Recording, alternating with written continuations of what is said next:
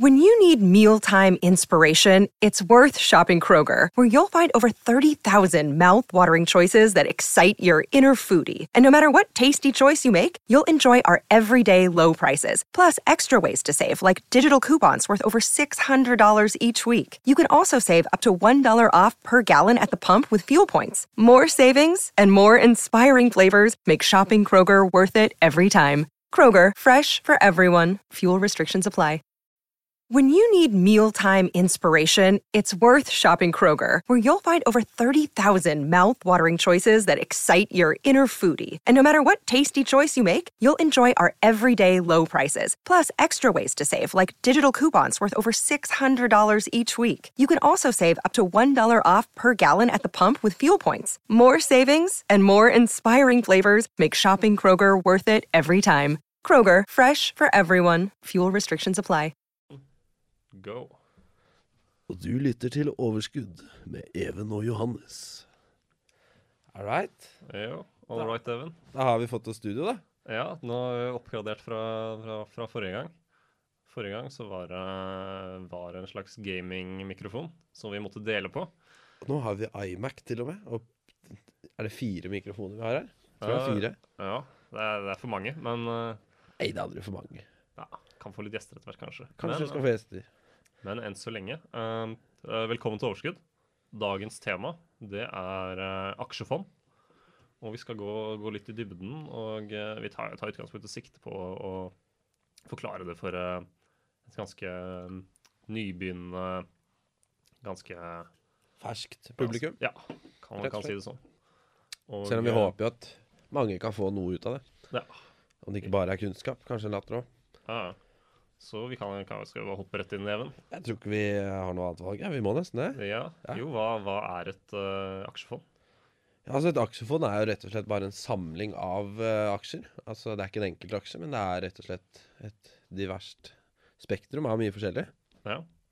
Så er det jo kanskje Det høres litt fjernt ut, da. Altså det er, det er en samling av aksjer. Um, men så er det på en måte hva, hva er motivet da for å kjøpe, kjøpe et aksjefond? Hva, hva er det du i realiteten eier, da? Hva, hva er det pengene dine gjør? Hva er det de går god for? Hva er det du får tilbake for det? Ja. Det, det er jo spørsmål vi skal prøve å besvare over dagen, og gi et lite, lite perspektiv på, på grunnleggende begreper som forskjell, forskjell, mellom aktivt og passivt fond. Vi skal gå inn og, og snakke om rentefond, og gjerne ta, ta litt sikte på forskjellige risikoparametere ved fond. da, altså Ting å tenke på, rett og slett. Og, um, og, for, og de forskjellige avgiftene knytta til hva slags type fond du har. Og uh, gå litt innom etikk. um, hvordan, uh, de, hvordan du kan finne ut uh, etiske forutsetninger for de fondene du velger. Og, og gjerne litt sånn hvor, hvordan du kan vurdere og se hvem som forvalter, hvordan fondet, de enkelte fondene har blitt forvaltet de siste årene, og hva det har å si da, som vurderingsgrunnlag for å Det er lov, det. ja, og merker jeg at stemmen skjærer allerede. Dette går bra. Men uh, Ja, men jeg kommer nok til å få en høne i halsen etter hvert også, Ja. så det, det er rett og slett sånn man må regne med. Mm. Men uh, Og litt sånn siste, siste poeng er jo også litt, litt sånn uh, momenter for deg som fondsinvestor. da. Forbrukermomenter. da. Hvilke, hvilke ting du må passe på, hvilke ting du må se, litt, se litt etter. da. For det er jo det er en skummel verden, og det er, jo, det er jo folk som prøver å tjene penger her også. Så, og da må man, må man passe på, selvfølgelig. det er intet mindre enn 418 forskjellige aksjefond. Ni, kom, ni kombinasjonsfond, seks obligasjonsfond og to pengemarkedsfond på DNB per nu. Som jeg kan handle i. Det er jo et lite hmm, å manøvrere seg i. Men vi skal prøve vårt beste å ja. gjøre det litt enklere, for det er jo ikke vits i å kjøpe alle sammen, heldigvis. Mm. Men hvis du har dårlig tid, og du er rett og slett solgt på at du skal ha fond allerede, så er jo rett og slett uh, hovedaspektet med å få seg fond kontra en enkeltaksje er jo da diversifisering. Ja. Og eh, man kan jo, man kan jo si det slik, da. Um, som en aktiv investor så må, må man i utgangspunktet hele tiden ha som mål å slå markedet, og det er ganske krevende. Mm.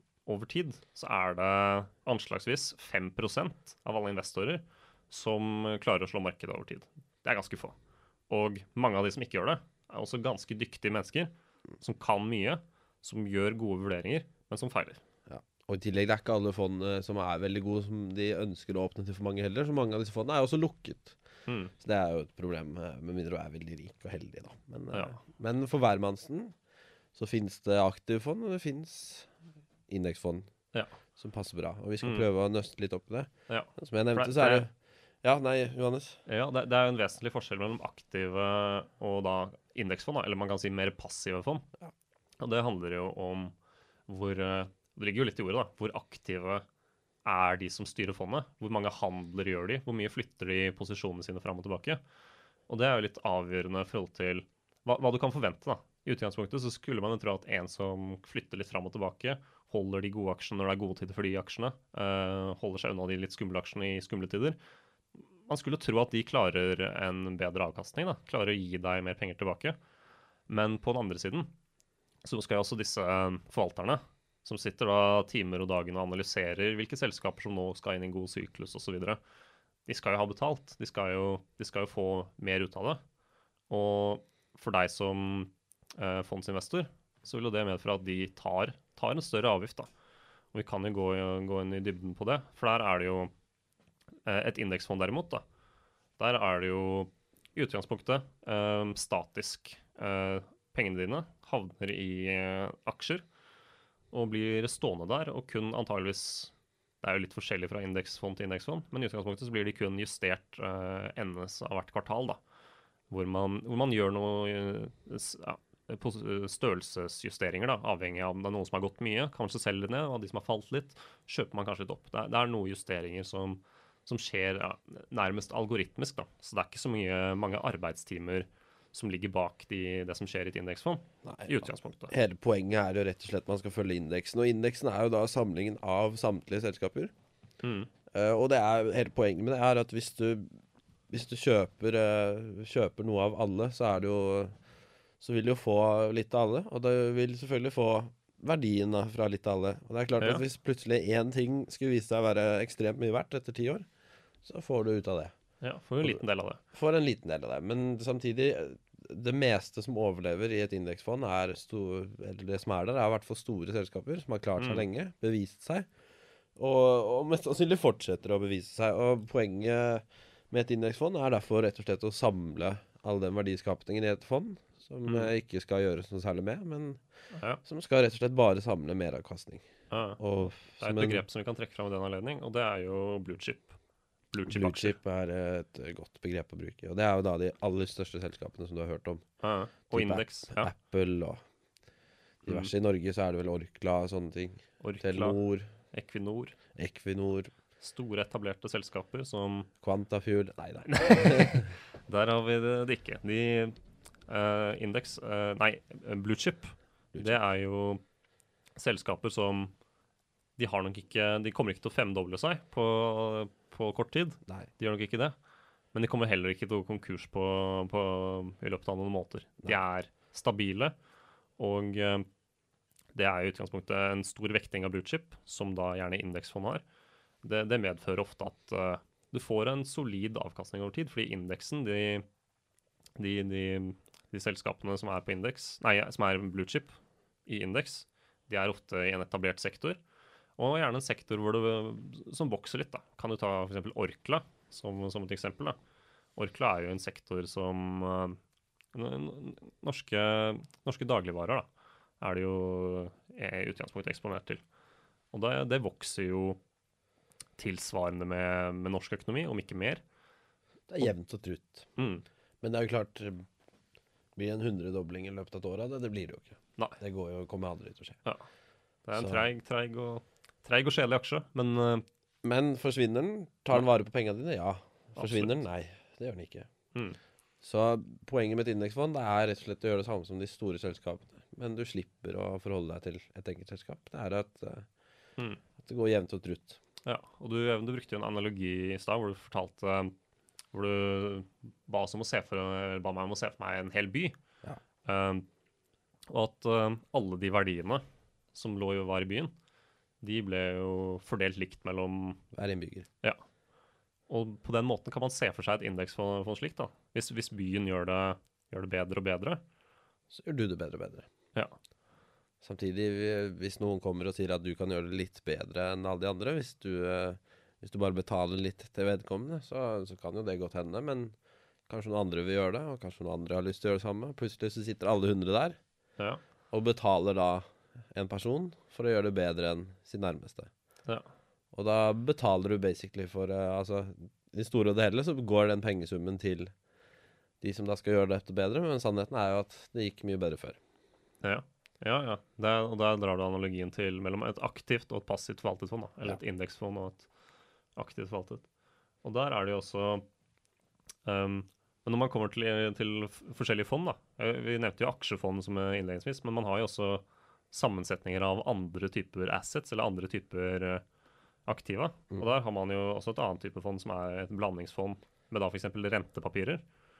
Og der har man jo en måte hvor man kanskje kan si at eh, dette reduserer nedsiderisikoen enda mer, og samtidig tar vekk noe av oppsidemulighetene samtidig, da. Ja, for i forskjell til et aksjefond, så er det et rentefond rett og slett at du Istedenfor at du kjøper en eierandel til et selskap, så låner du ut penger til et selskap. Sånn at de kan uh, si at et selskap trenger å lage en ny vei eller et nytt gjerde. Det kan være alt. Men eh, de trenger i hvert fall Ja. penger til dette her. Mm. Og de trenger det kjapt. Og da sender de ut en obligasjon som du kan kjøpe. Og eh, veldig utsteder. Og det som da skjer, er at du låner ut penger til dem, mot at du får en bestemt da, avkastning, som ofte er mye lavere enn et aksjefond eller en aksje kan tilby, men det kan være alt fra 0 til eh, 5 til 15% i året. Ja. eh, Som du da får utbetalt. ja. utbetalt. Du får, som du da får utbetalt. Og så til slutt, da, når denne perioden er over, det kan være fem år, det kan være 10-15 Som regel er det ikke noe særlig mer enn det, i hvert fall ikke for Mm. Så får du da den originale summen din av penger tilbake. ja. Samtidig som du har fått da, si 5 I året. av, av det i året. Opp Mm. dit. Så det er jo da en fast inntektskilde Mm. som er veldig grei. Og det finnes det jo Det finnes det jo eh, selvfølgelig da også fond av. Rentefond. Ja. Eh, Og, det er, og da er det viktig å bare kjapt eh, skille mellom statsobligasjoner og det som kalles high yield-fond. Ja. For en statsobligasjon det vil jo typ være hvis USA eller Norge skulle ja, trenge å bygge en ny vei. Mm. Så vil de gi deg en viss rente. Mens hvis f.eks. Norwegian skal bygge rullebanen sin, ja. Som mest sannsynlig ikke er noe som har skjedd eh, Jeg tror ikke de bygger rullebaner, men jeg tror ikke de bygger rullebaner. Men, Nytt fly, da. men- kjøp nye fly. Ja, men, ja, kjøp nye fly, da. Men, eller, eller rullebane, eller hva enn det måtte være. Ja. Si at de skal kjøpe det, så vil jo det være litt forskjellig fra om Mm. staten gjør det. For sannsynligheten for at staten kan betale det, er relativt mye høyere enn Norwegian. Ja. Uh, Så forfallsrisiko er jo det som er Ja, rett og slett at du får tilbake mindre enn det du ga. Og det Mm. er jo en risiko, selvfølgelig. Mm. Eh, men igjen, fordelen med en, et uh, high yield-fond, det er jo da at det er en samling av sånne selskapsobligasjoner. Og, Ja. og da får du diversifisert uh, risikert, risikoen. sånn at hvis ett forf ett, eh, forfaller til en litt dårligere pris enn det du forventet, så har du mange andre som veier opp for det. Ja. Eh, Så også der er det en fordel med det. mm. Og et rentefond er jo da Det gir jo en Det kan jo for øvrig gi en jevn, jevn strøm. Mm. Sånn sett er kanskje det noe som er greit å ha for litt eldre investorer. Ja. Det at du har trygge 4% kanskje, eller relativt trygge 4 At i året. du, du er litt mer forutsigbart hva du får, da. Ikke sant? Mm. Det er klart For oss som er unge, så er det ikke så mye å si om sparepengene våre går ned 10% et år, eller er opp 20% neste år. Mm. Mens hvis du er eh, eldre og vil gjerne vite at hvis jeg plutselig trenger disse pengene, så står de der så å si til samme summen, Ja. så vil jeg absolutt anbefale et rentefond for deg. Da tror jeg det kan Ja. være en mye bedre løsning. En annen ting kan også være unge som er eh, rett før de skal kjøpe bolig. Hvis det liksom er siste to-tre årene før du har tenkt til å gå inn i en bolig, så kan det også være en idé å sette, sette en, en større del da, av de, de, dine penger i et rentefond, ved å da sikre at du ikke går på, noe, eh, går på noen store smeller. At det ikke er eh, korona eller april 20, april 2020 nå, hvor som du skal kjøpe bolig. Så da, sånn at du har litt sikring, da. Så det er også, også noen grep du kan vurdere. Absolutt. Um, men så er det jo et annet viktig tema da, som, som ofte dukker opp. Og det er jo Skal, skal jeg kjøpe indeksfond i, i, da, i Norge, eller skal jeg kjøpe et eh, globalt indeksfond? Og eh, det er ofte et, et tema som man kan diskutere ganske lenge uh, fram og tilbake. Um, og eh, et globalt indeksfond, der er det jo er det absolutt alt i verden. Og det, det det største i verden. Ja. De, de selskapene som gir aller størst vekting, der er det nok en del i USA. eh, litt i Kina og litt i Europa. eh, og litt andre steder i Asia. Generelle markedsledere. Ja. Og det kan jo selvfølgelig, som du sier, være hva som helst. Mm. Og så er det jo en, etter hvert en liten del av emerging altså det som heter emerging markets. eh, type land som India, f.eks. Her eller fortsatt litt Kina. Man kan Ja. jo fortsatt se på det som et uh, Mm, ja, det, det, er, det er enig. Um, og um, de gir jo ganske stabil uh, Altså, en global indeks gir veldig stabil og sikker avkastning. Fordi det man snakker om eh, et snitt av hele verden, da. Snakker om Og det skal mye til for at hele verdens marked skal, skal kollapse. falle. Ja, Da er det egentlig rett og slett å skaffe seg hagle, mat, forsyninger og Lars Monsens uh, villmarkskunnskaper. Ja, ja. Og da slipper du egentlig å tenke på penger da òg. Ja, Så det er jo Enten så går det opp, eller så går det ut på skolen. Mm. Ja, ja. Så verden, den så, så sant du tror verden utvikler seg videre, nyskapning, teknologi vil fortsette å skje i en akselererende fart, som det har gjort, og vil fortsette å gjøre, antageligvis, Vi går ut ifra det, vi håper det i hvert fall. ja, så er verdens indeksfond for en investor som ikke orker å følge med, som ikke orker å følge med og lese nyheter, kvartalsrapporter og alt det, det er en fantastisk mulighet. Fantastisk løsning. Um, så er det noen som også ønsker å uh, kjøpe norskindeksen. Og det er jo Vi er jo en veldig liten del av verden sånn sett, Ja, vi nordmenn. er-. Og den er kanskje litt mer sektorbasert pga. at mye av økonomien vår kommer fra olje. For Ja, Stemmer. samtidig så er den jo veldig avhengig av resten av verden for øvrig. Ja. Uh, spesielt USA Mm. Har mye å si for vår inntjening. Mm. Så sånn sett så er det jo Det er jo et bet på I ganske stor grad da på resten av verden, det også. Mm. Men så er det um, Det er, det er noen som tenker at uh, at man holder en, uh, holder en verdensindeks, da, tilfelle det går uh, skeis i Norge. Tilfelle oljeprisen stuper, sånn som den gjorde i, gjorde i april Ja. eller mai. Så, så er på en måte um, Man kan si at uh, man, man hedger seg mot at det går dårlig uh, mer da, i, i Norge ved at man uh, har, en, har en verdensindeks. da. For da er man da er man diversifisert ri- risikoen så, så langt du klarer, da, kan Ja. man si. Eh, det går vel nesten ikke an å diversifisere risikoen mer enn en verdensindeks. Det er, eh, det er som du sier, hvis den, eh, hvis den går til null, da, da fins det ikke et selskap igjen i verden. Ja. finnes fins det ikke noe Fins det ikke noen å kjøpe noe av. Ja. Så det er så å si eh, Mm. Vi skal ikke si det er umulig, for det er det absolutt ikke. Men uh, Ganske utenkelig. det er utenkelig, i hvert fall. Ja. Ja. Så, men uh, Men Så Norge det- kan man, vi kan gå inn med på Norge, da.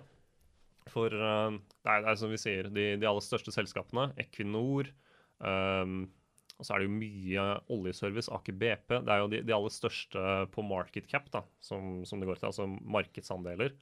De store markedsverdi også. Ja. Det er jo det det, det betyr på, på godt norsk.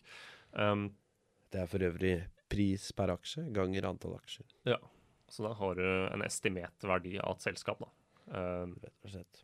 Så hvis du, skal, hvis du kjøper alle aksjene til den prisen, så har du, har jo, har jo, eier, jo, eier du plutselig et helt selskap. Og det kan skje.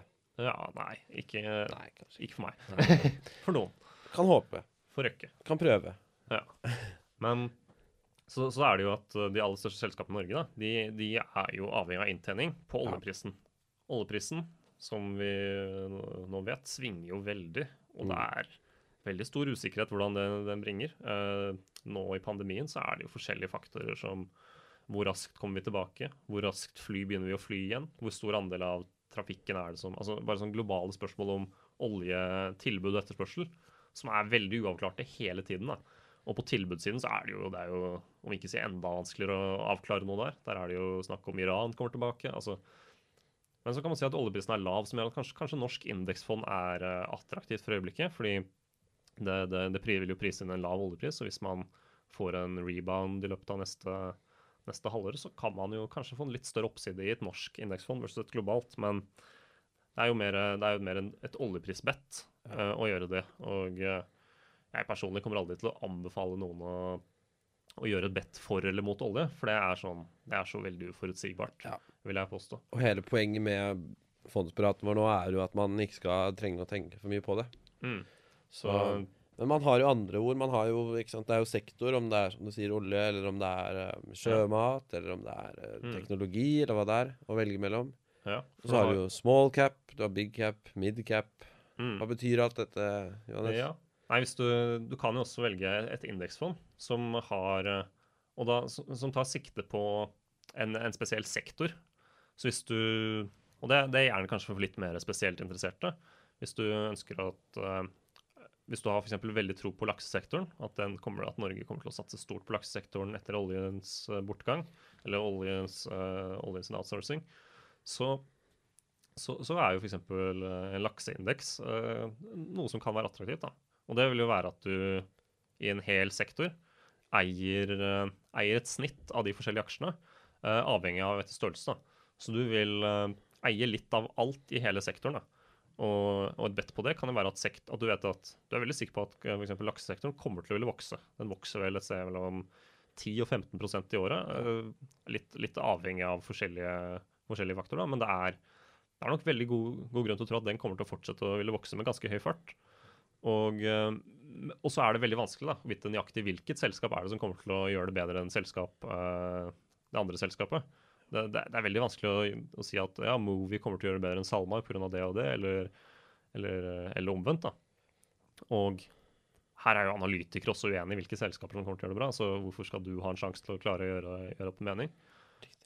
Så, så, så et alternativ da, det er jo at jo, jeg kommer aldri til å klare å finne den beste aksjen i den sektoren, men jeg kjøper indeks. Kjøper jeg alle sammen? Ja, kjøper jeg litt, av- kjøpe- litt alle sammen. Hvorfor ikke bare kjøpe alle sammen? Ja, så det, det er en veldig lur strategi. Hvis du da Det er har strategien. Ja. Det er strategien. Ja, så det, hvis, du, hvis det er en sektor du tror på uh, Laks er jo kanskje noe som man kan anbefale litt mer, fordi det er en Det er vel nesten så vi helst skulle anbefalt det enn uh, Ja, enn, eh, oljesektoren. Hvis, Ja, du ja, ha, hvis du først skal satse norsk, kanskje Ja. du skal satse på laks. ja det er hvert fall... Jeg vet ikke om det finner noe Om det finnes et, et uh, enkelt laksefond? Lak, lak, laksefond? Laksefond? Uh, det- finnes vel, skal vi se. Jeg skal, jeg skal ikke se bort fra det. Det er i hvert fall Nordnett har uh, hvert fall, Eller nei, jeg tror ikke Nordnett har det, men det er, det er i hvert fall et slags indeks En indeks man kan følge, da. Okay. Um, så du kan se om det er noe som heter sjømatindeksen eller noe sånt.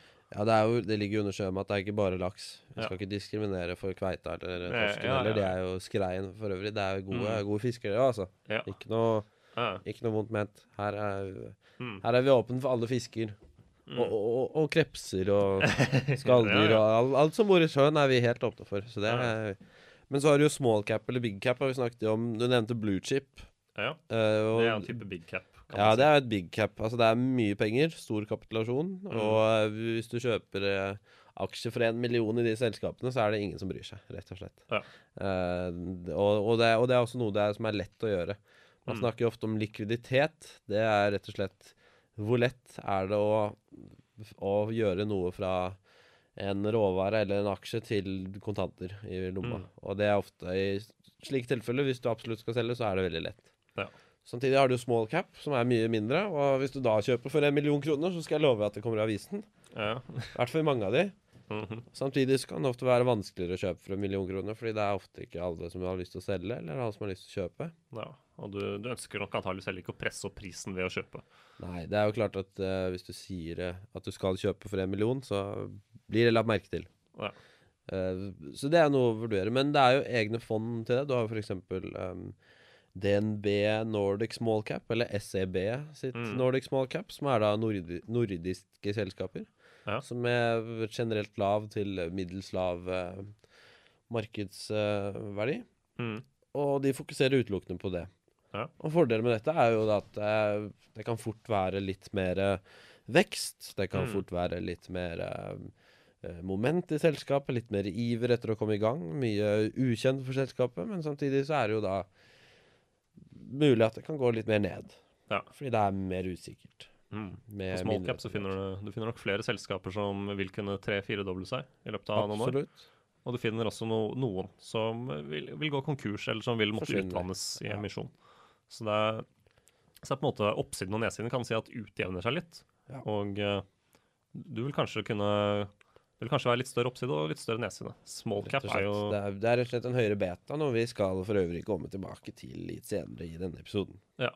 Eh, Men det er jo greit å nevne at eh, de som er interessert i å vite nøyaktig hva de investerer i, de Mm. kan mm. lese både prospektet, noe du Ja. finner under, eh, under fondshandel i din nevnte bank. Ja.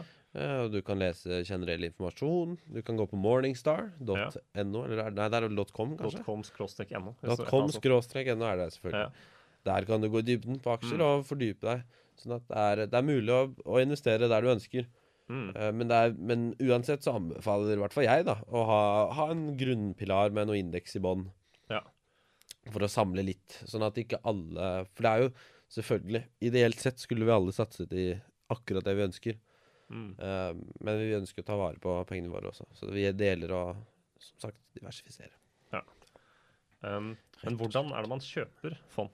Det er jo mange Det er som er helt Ja, Det er helt umulig. Det er det som er svaret. Det går ikke an. nei da. Det, det er vel ikke så vanskelig. Det er vel egentlig fryktelig enkelt. Det er som å kjøpe alt annet. Du kjøper det. Du, eh, du går inn i banken din. Det er for øvrig et, et eh, Det varierer jo.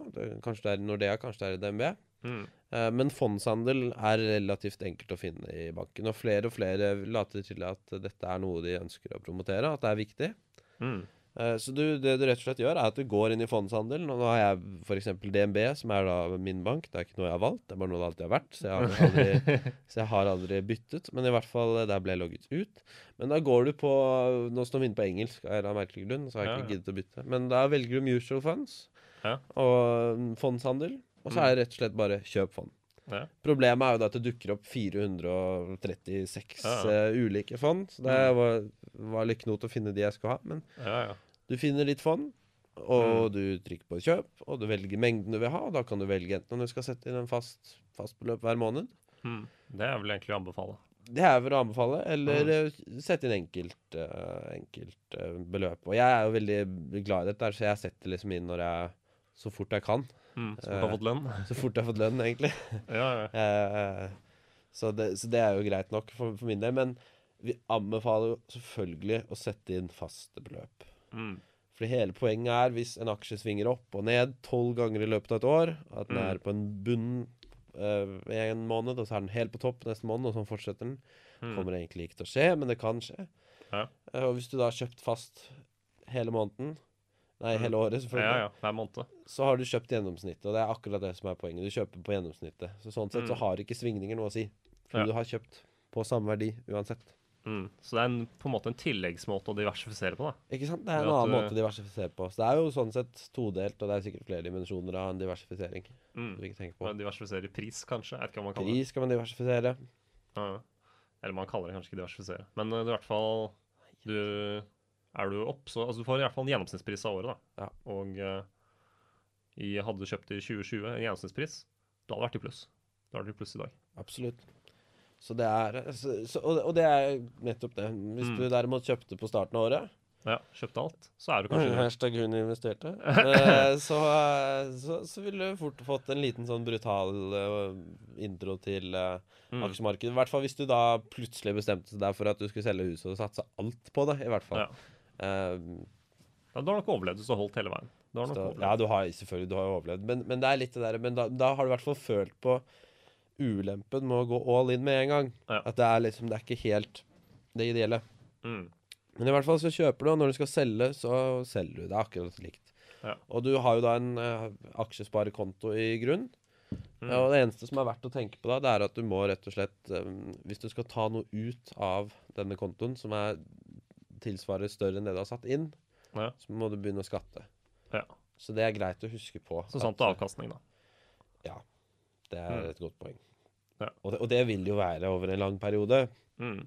Med mindre du, det ikke er noe marked igjen, og da må du som sagt ut i skogen. Ja. Så, men, det er, men det er ikke så veldig mer eh, Det er ikke så veldig mye mer å si enn det. Det er, det er, altså, det er jo så klart om min- ja. Stemmer, stemmer. Stemmer. Så, det er, så noen, noen fond vil man jo se at er, man må inn med 10 millioner for å, for å kunne I Mm. hvert fall i DNB, det er noen enkeltfond som er det. Så er det 10 millioner du må ha inn. Mens de aller færreste er oppi der. De aller Ja. fleste så holder det faktisk med en hundrelapp. Ja. Er det så Eh, lite? I, I de fleste tilfeller. Eventuelt så må det opp i noen hundrelapper, kanskje 1000. Ja. Men jeg vil, jeg vil eh, si eh, sånn helt oversiktlig at eh, du får tilgang til 90% av fondet med et innskudd på 1000 kroner. Mm. Uh, og det mener jeg absolutt skal være overkommelig Uh, og, og en, en, viktig avsetning som de fleste burde gjøre. Mm. Med tanke på egen privatøkonomi. Ja. Vi, kan, vi kan hoppe, hoppe til uh, de forskjellige avgiftene. Det er kanskje i den anledningen også greit å snakke litt om. Det er jo egentlig akkurat dit vi ender opp, ja. Ja, For det er vel også altså, Man snakker om et minsteinnskudd og uh, et minsteskudd som du må få inn. Men hvilke flere ting er det man må tenke på med, med, med tanke på pris? da? Ja. For det er vel det er vel, Noen så er det vel også et slags engangsinnskudd, uh, som er kanskje så så liksom 0, så mange prosent av uh, Og i hvert fall av de fondene jeg har kjøpt i DNB, så har det ikke vært det. Mhm. Det og, men jeg vet at spesielt i utlandet, og det kan godt hende at Mm. Nordnett eller andre, så er det veldig Så er det ofte et sånn engangsgebyr, da, Mm. for å melde seg inn. Ja. Uh, mens eh, i hvert fall i DNB og og de, de fondene de representerer, og det er fra alle mulige banker. Det er både fra ECB og fra Danske Bank og Handelsbanken. Så har jeg Mm. aldri opplevd at jeg må betale noe Ja. innmeldingsavgift, i hvert fall. Mhm. Og mange av disse får man jo på tvers av banker, så det har ingenting med DNB å gjøre. Ja, Ja, ja.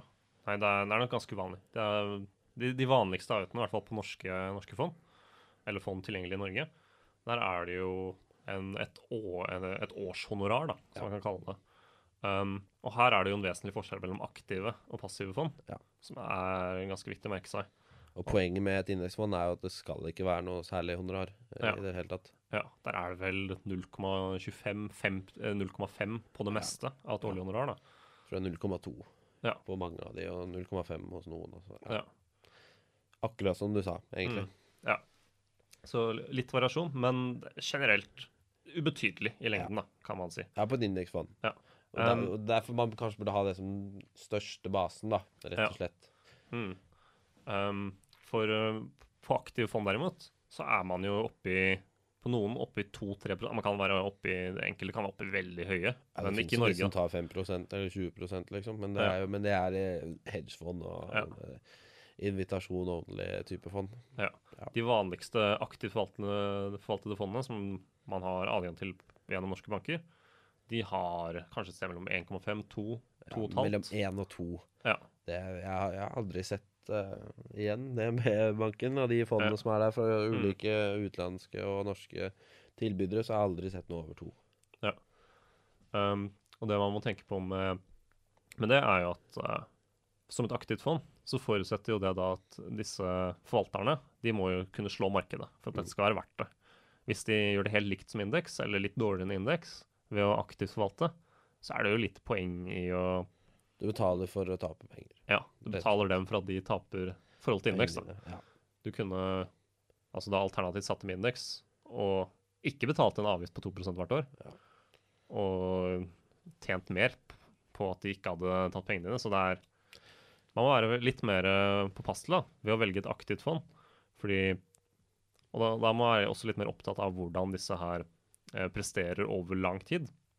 Um, og, det, det er jo kanskje eh, skal si, ikke, en trist trend, men det er, det er litt sånn trend man må passe på. da, Om at mange aktive fond de, de starter opp et år, og så legger de ned neste år. Altså, eller starter opp tre-fire år, får ikke noe avkastning, eh, legger ned og starter på nytt. da, Med store, store av de samme sammensetningene. Um, Samme strategi, Ja. kanskje til og med samme forvalter. Ja, kanskje samme utvalg av aksjen også. Det er eh, Alt er likt, Mm. men eh, det står ingenting om Ja. hvor dårlig det har vært tidligere. Ja. Så, og det har man jo kanskje sett i ja, Skal ikke, skal ikke henge ut DNB som den store syndebukken her, men man, man har jo sett at der har det blitt lagt ned eh, enkelte fond, kanskje slått sammen no, noen, og så har man da fått, vekk, fått unna en track record hvor du liksom har hatt et snitt på 2-3% når du er aktiv forvaltere, Ja. som ikke er sånn altfor imponerende. Um, og så får du starta på blanke ark, nærmest. da, uh, Og får du da et første år hvor du får liksom 30-40% avkastning, så, så dukker du jo plutselig opp på radaren hos, hos mange, mange nybegynnere da, som vil bare søke, søke Mm. opp de fondene med størst avkastning siste året. Og uh, så, så- så får du Og de, de ønsker jo at så mange som mulig skal ha penger i fondet, for de får jo på antall, på antall penger som ligger i fondet, får du jo da de 2% avkastningene. Men sånn, som et argument til sparing og investering generelt, da, så er jo inflasjonen den er jo på 2 uansett. Mm. Det nevnte vi kanskje i første episode. Men, og, Ja. og det det vil tilsi, er at hver eneste ting du kjøper, den blir, den blir 2% dyrere hvert år. Mm. Uh, sånn at hvis du bare bare stå, har pengene dine i banken nå, hvor det ikke er noen renter omtrent, så Nei. taper du da penger hvert år. Fordi du mister kjøpekraft. Ja. Uh, så det må du legge til. Så hvis du da har pengene investert i et fond med 2% årlig honorar, Mm. Så må du legge til 2 til for inflasjonen. Og da er det allerede 4% avkastning som du skal ha hvert år. ja, for at du skal gå i null. For at du skal gå i null. Mm. Um, kontra et indeksfond, hvor det da er 2,2% Ja. Og inflasjonen den varierer mellom 2 og 2,5, og den kan bli Ja. mye mye høyere enn det òg, men det er liksom Standarden. standard, i hvert fall målet. Mm. Så det er vel Zimbabwe som hadde siste hyperinflasjonen. Eller det er vel Venezuela nå, kanskje. Ja, det tror har det er Venezuela.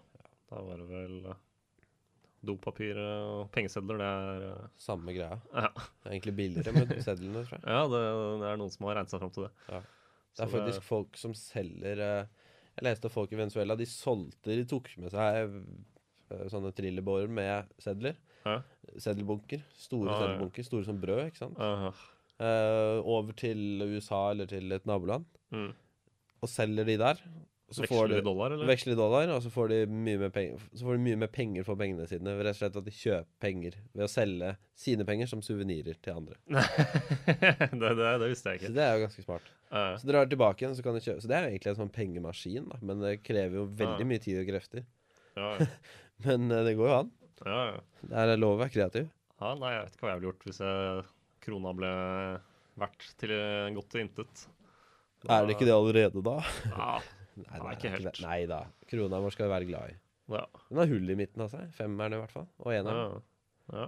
Nei, det er, eh, det er fint å ha en egen valuta. Kan vi også styre Apropos egen valuta, Johannes. Hva syns du om de nye sedlene? Sedlene? Ja, jeg har ikke sett dem, det er bare vips meg. Har du ikke og- sett en eneste kontant eh, siden de bytta?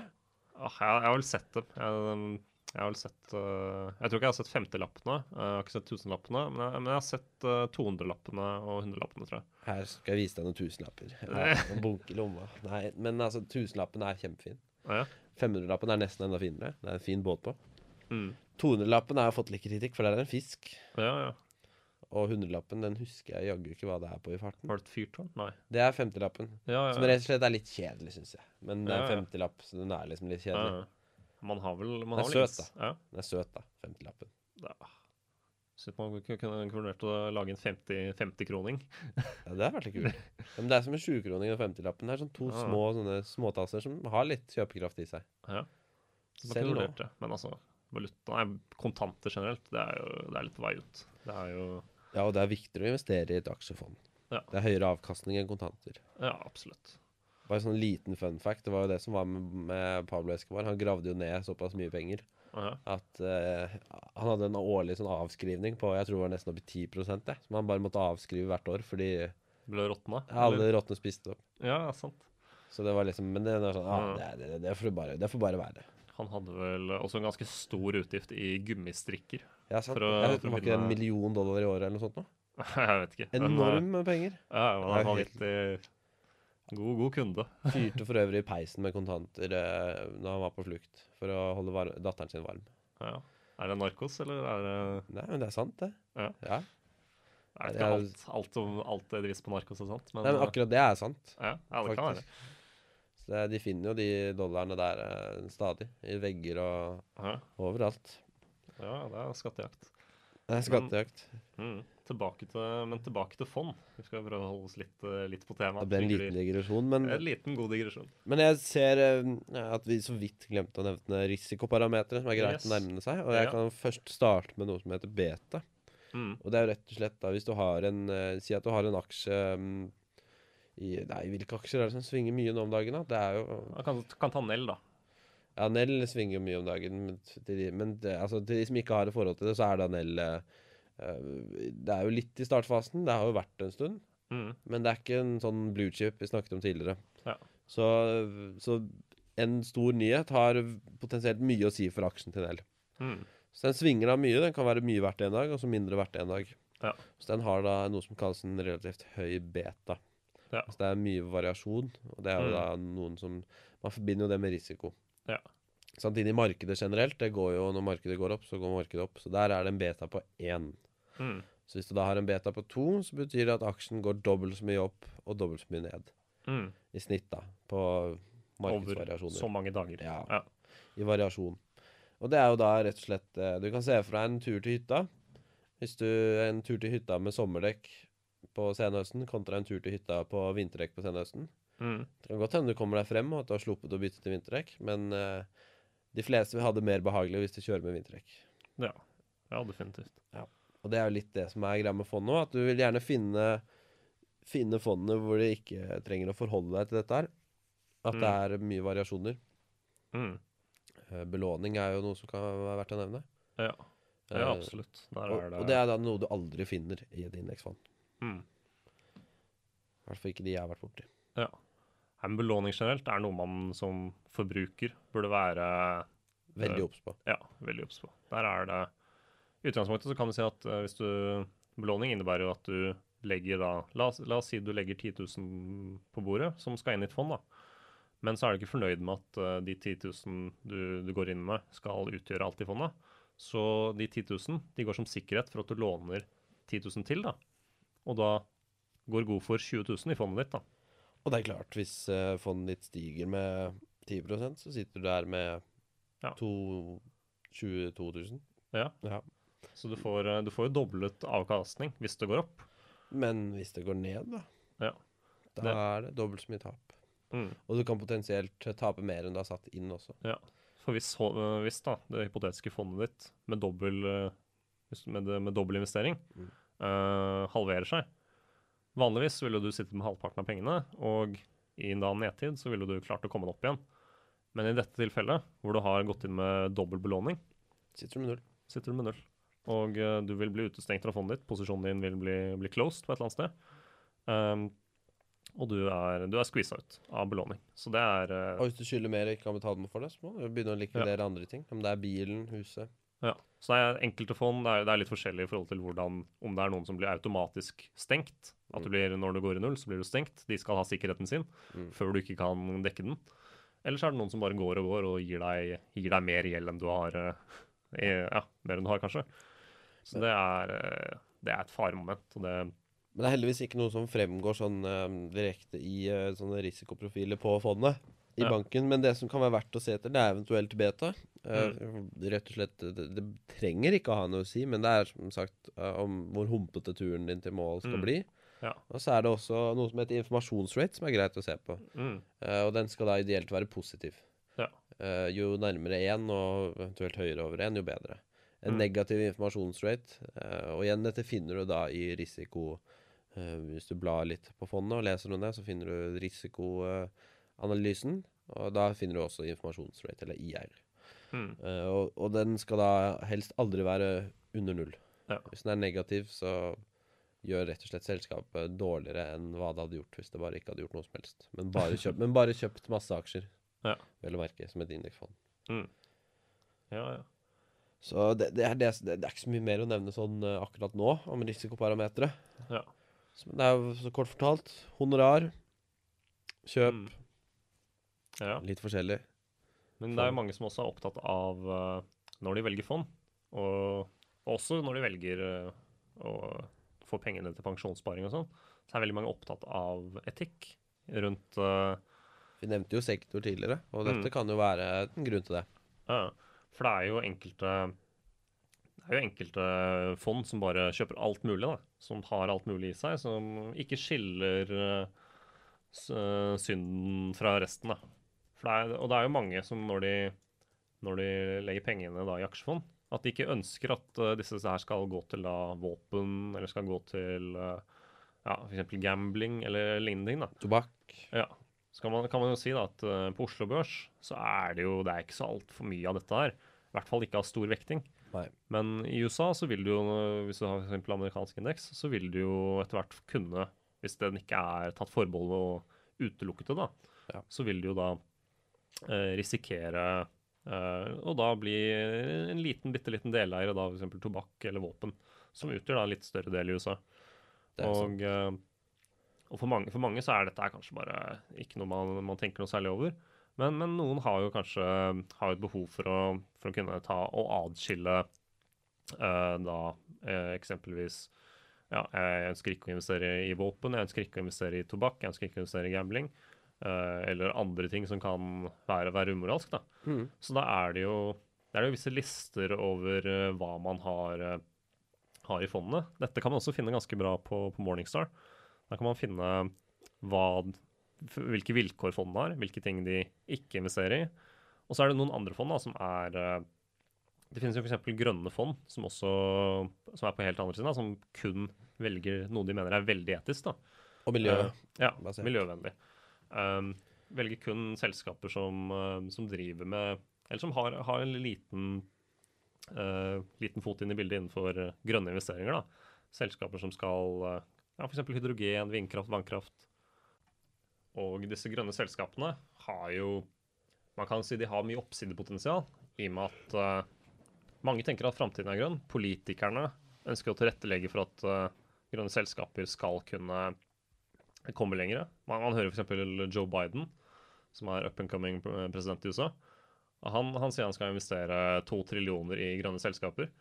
Så det er jo Du kan si at eh, mye av framtiden kommer til å være preget av grønne selskaper. Eh, men, men så er det mange som sammenligner, eh, sammenligner grønne selskaper og den prisingen de har fått i dag, med f.eks. IT-selskaper og internettbaserte selskaper eh, rundt år 2000. da. Mm. Så det er jo på en måte Det er, det er jo noe å passe på, men, men så vet man jo at en indeks vil alltid inneholde vinnerne. da. Hvis man har alt av grønne selskaper i, i en indeks, så man da, da vet man også at man holder Man noen holder av de vinnerne. Ja. Så det er jo klart, det vil jo Per i dag så er det jo ingen blue chip-aksjer som kun er basert på miljø. ja, noen, men ikke mange. nei, og, og det er veldig få som har blitt startet med det formålet.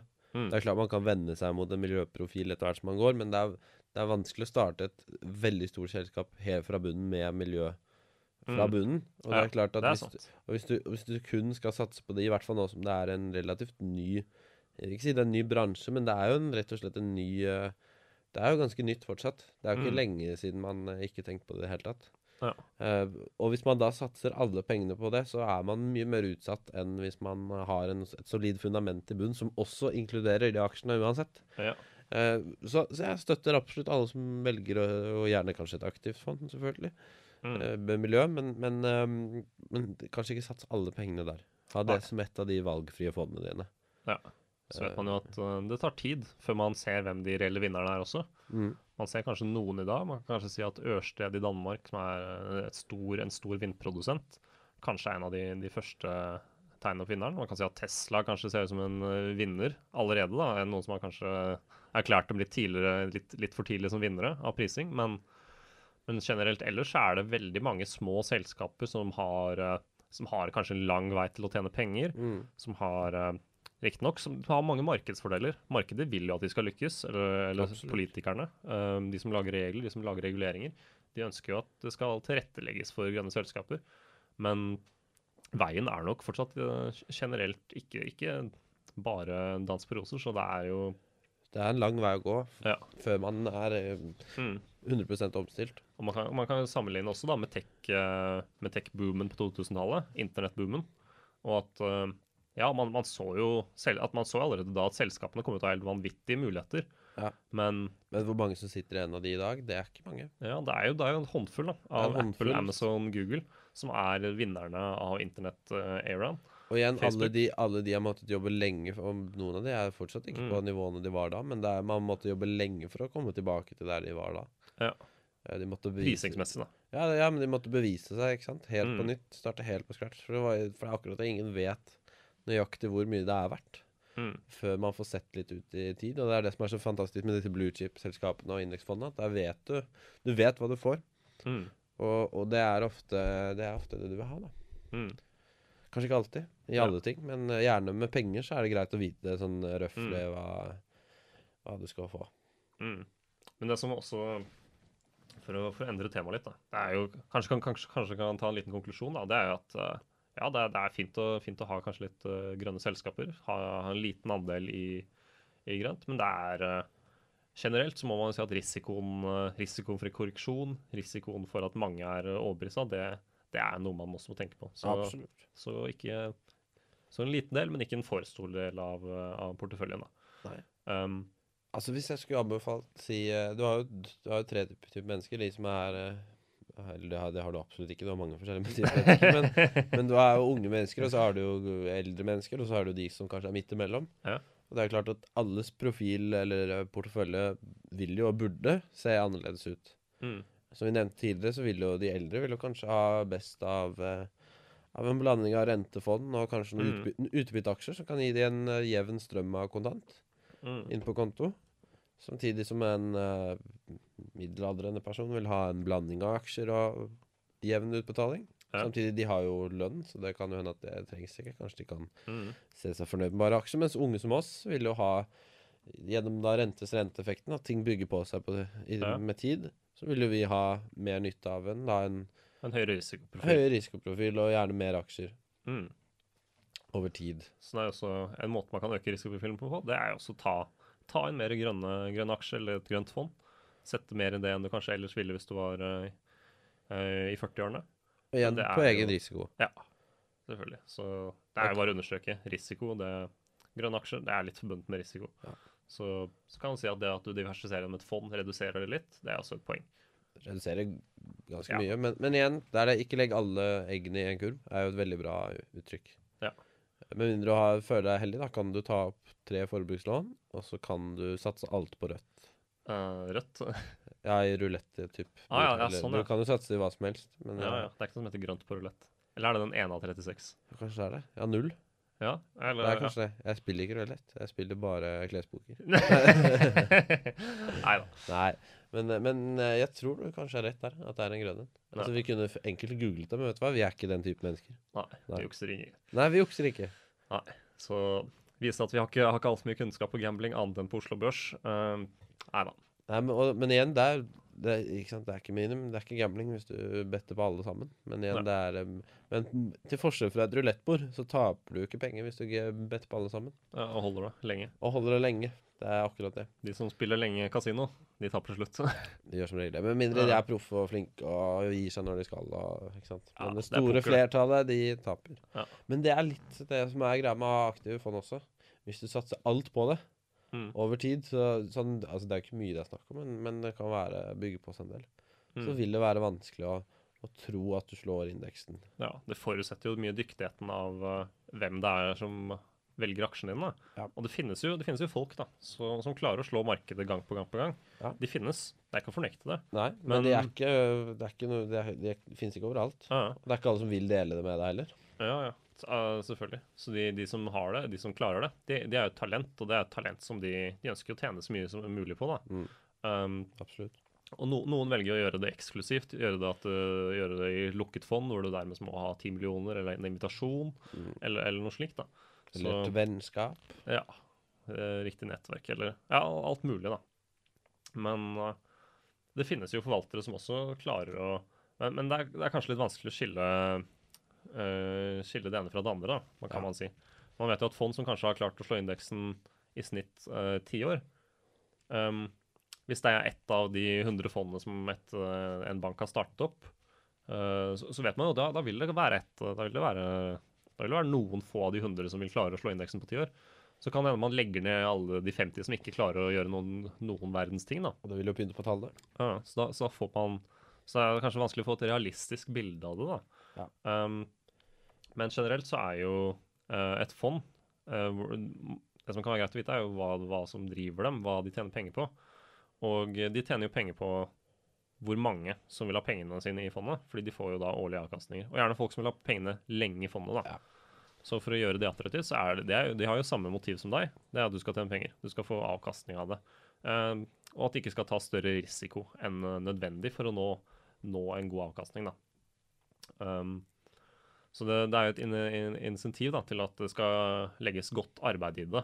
Mm. Um, men så er det jo mange som også um, Mange bruker jo track record da, de siste ti, siste fem årene for å se hvor, hvor bra et fond har gjort det. da. Um, Og det vil man jo få i den profilen til eh, Der man ser også risikoprofilen.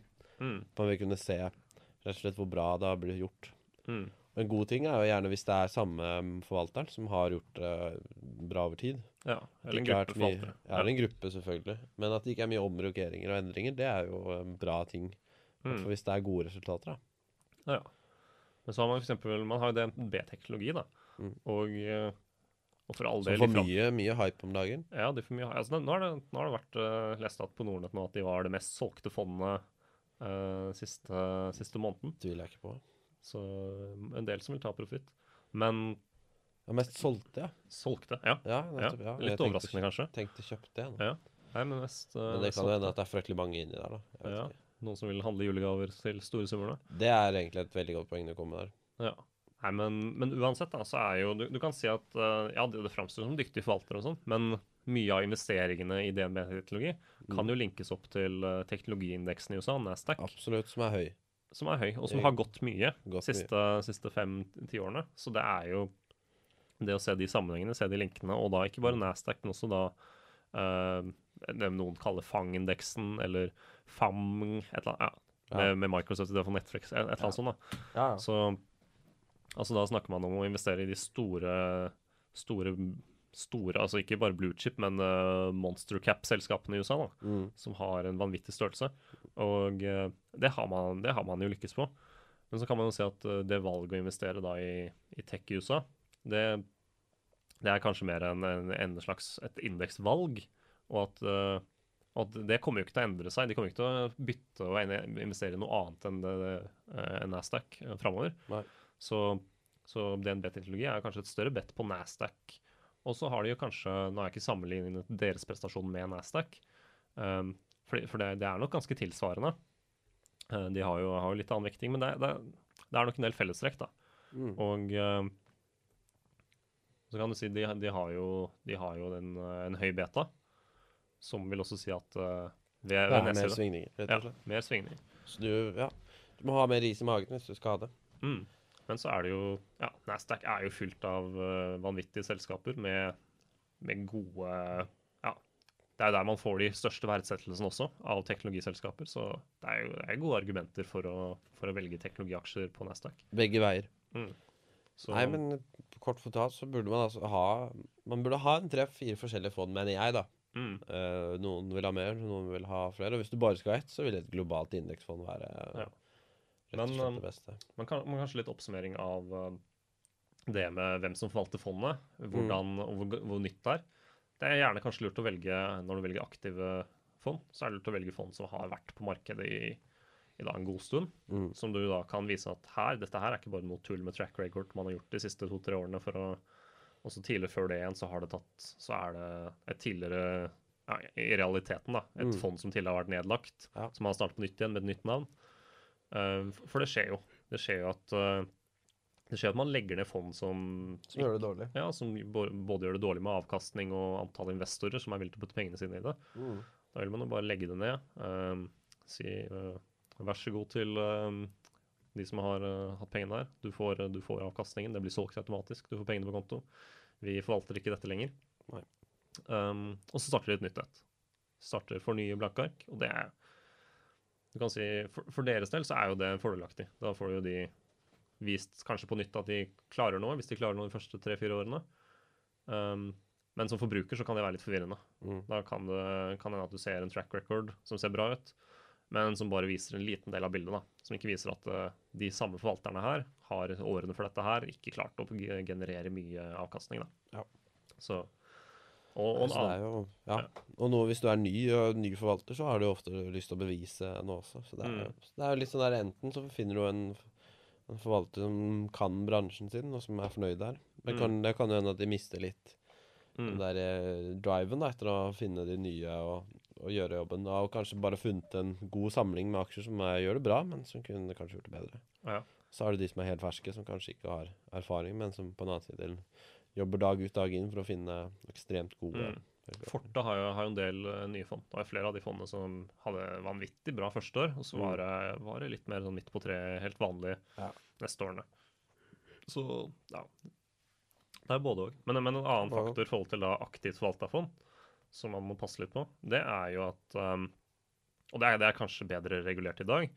Man trenger ikke være like obs på det i dag, men, men tidligere, da, så har det jo vært slik at uh, mange, mange aktivt forvaltet fond har uh, har hatt da minimalt med, med arbeidstimer lagt inn i den aktive forvaltningen. da, Mm. Som egentlig har De har kalt det aktivt for å da kunne ta de 2 i stedet for eh, 0,2. Eller ha de 1,5% Altså da, i hvert fall da, gi deg høyere avgifter. Og da i realiteten forvalte dere veldig likt som en indeksfond, men, men bare gjøre noen få justeringer i måneden. da. Og det har, jo, det har jo blitt slått ned på i Forbrukerrådet, og Høyesterett har kommet med en dom på det, så det er jo på en måte det er bedre regulert i dag. Man er mer obs på det. Um, bankene har eh, bankene som ikke legger like mange arbeidsgivere, som ikke godskriver like mange arbeidsgivere på et aktivt fond som de burde etter da kontrakten, som et fond innebærer, de, de må jo da risikere å, de risikerer jo da å tilbakebetale store, store summer i og med at de i realiteten har opprettholdt forpliktelsen som et indeksfond. da. Ja. Og det er eh, ja, noe man kanskje bør være klar over. Um, jeg, mitt inntrykk er at dette er fiksa bedre i dag. Um, de fondene som er eh, passive, de som er eh, lite, lite forvaltning, de er indeksfond. Mm. De er kategorisert som indeksfond. De betaler deg som indeksfond. De betaler deg etter hva de gjør. Du, betaler, du skal ikke betale, sitte og betale 2 eh, årlig avkastning for at en eller annen datamaskin tar og flytter litt posisjoner en-to ganger i måneden. Nei, Du skal ikke- betale for tankene, Ja, hva som ligger bak. ja, ja. ja så, så det er jo Det er jo på en måte arbeidsinnsatsen, uh, antall arbeidstimer som ligger bak, analysene og, og, og ofte, ofte gjerne da hva det resulterer i hva, hva det resulterer i, er jo til en viss grad irrelevant. Ja. Så, og det, det er også det, for mange, mange av de aktive forvalterne har kanskje innsett at det er veldig vanskelig å slå indeks. Så ved at vi bare gjør noen få justeringer, så kanskje vi klarer å gjøre det bitte litt bedre enn indeks. Ja. Um, nok til at vi kan få litt ekstra penger, men Men hvis, du betaler, hvis det er du som betaler for det, hva er poenget? det er Nei, ikke det er litt greit å være obs på. mm, vi skal prøve å runde av. Jeg kan jo nevne kjapt hva jeg For jeg sitter på litt fond. Ja. De tre har jo global indeks, selvfølgelig, Mm, som er mesteparten. Og så har jeg et teknologifond. ja. Uh, Og så har jeg da et sånn small cap-fond, som, Mm. uh, som jeg er veldig fornøyd med. Er det i Norge, eller er det Det er, Globalt. det er eh, Norden. Norden? Så, Ja, ja. Så det er jo fint. Mm, Støtte, støtte nye økonomier i Norge. ja. Ja, ja og så- og så- er sånn- og så er jeg da på utkikk, da, kan du si, etter et um, et fond i Ja, det måtte vært Kina eller disse um, utviklingsland. Ja, emerging markets. Emerging markets, som Ja. det så fint heter. Mm. Ja, det er spennende.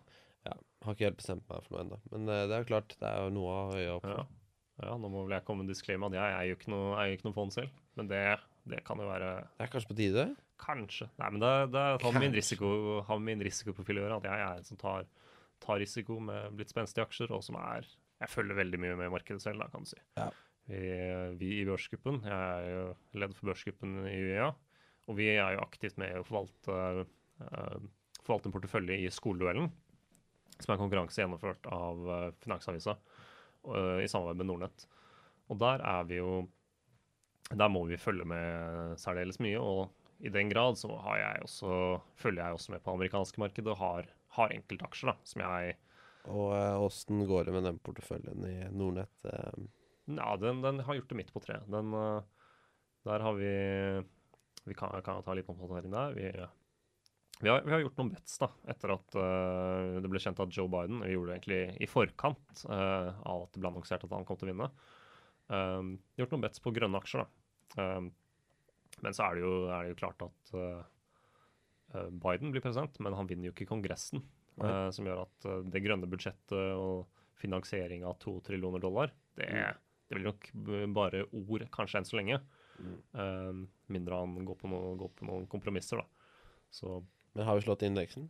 Uh, vi er nok ganske likt indeksen, tror jeg. Ja. Nå, nå er vi to måneder inn i konkurransen.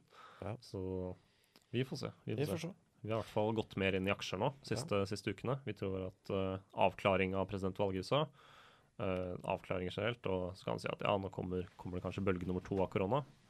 Men det var veldig lett å se gjennom, se gjennom bølge nummer én i april. Mm. Denne bølgen blir enda lettere å se gjennom. Så alt av mulige korreksjoner som kommer, de blir nok ikke store. De blir ikke store, Oi, Nei. unnskyld. Et midt mid-gjesp der. Ja.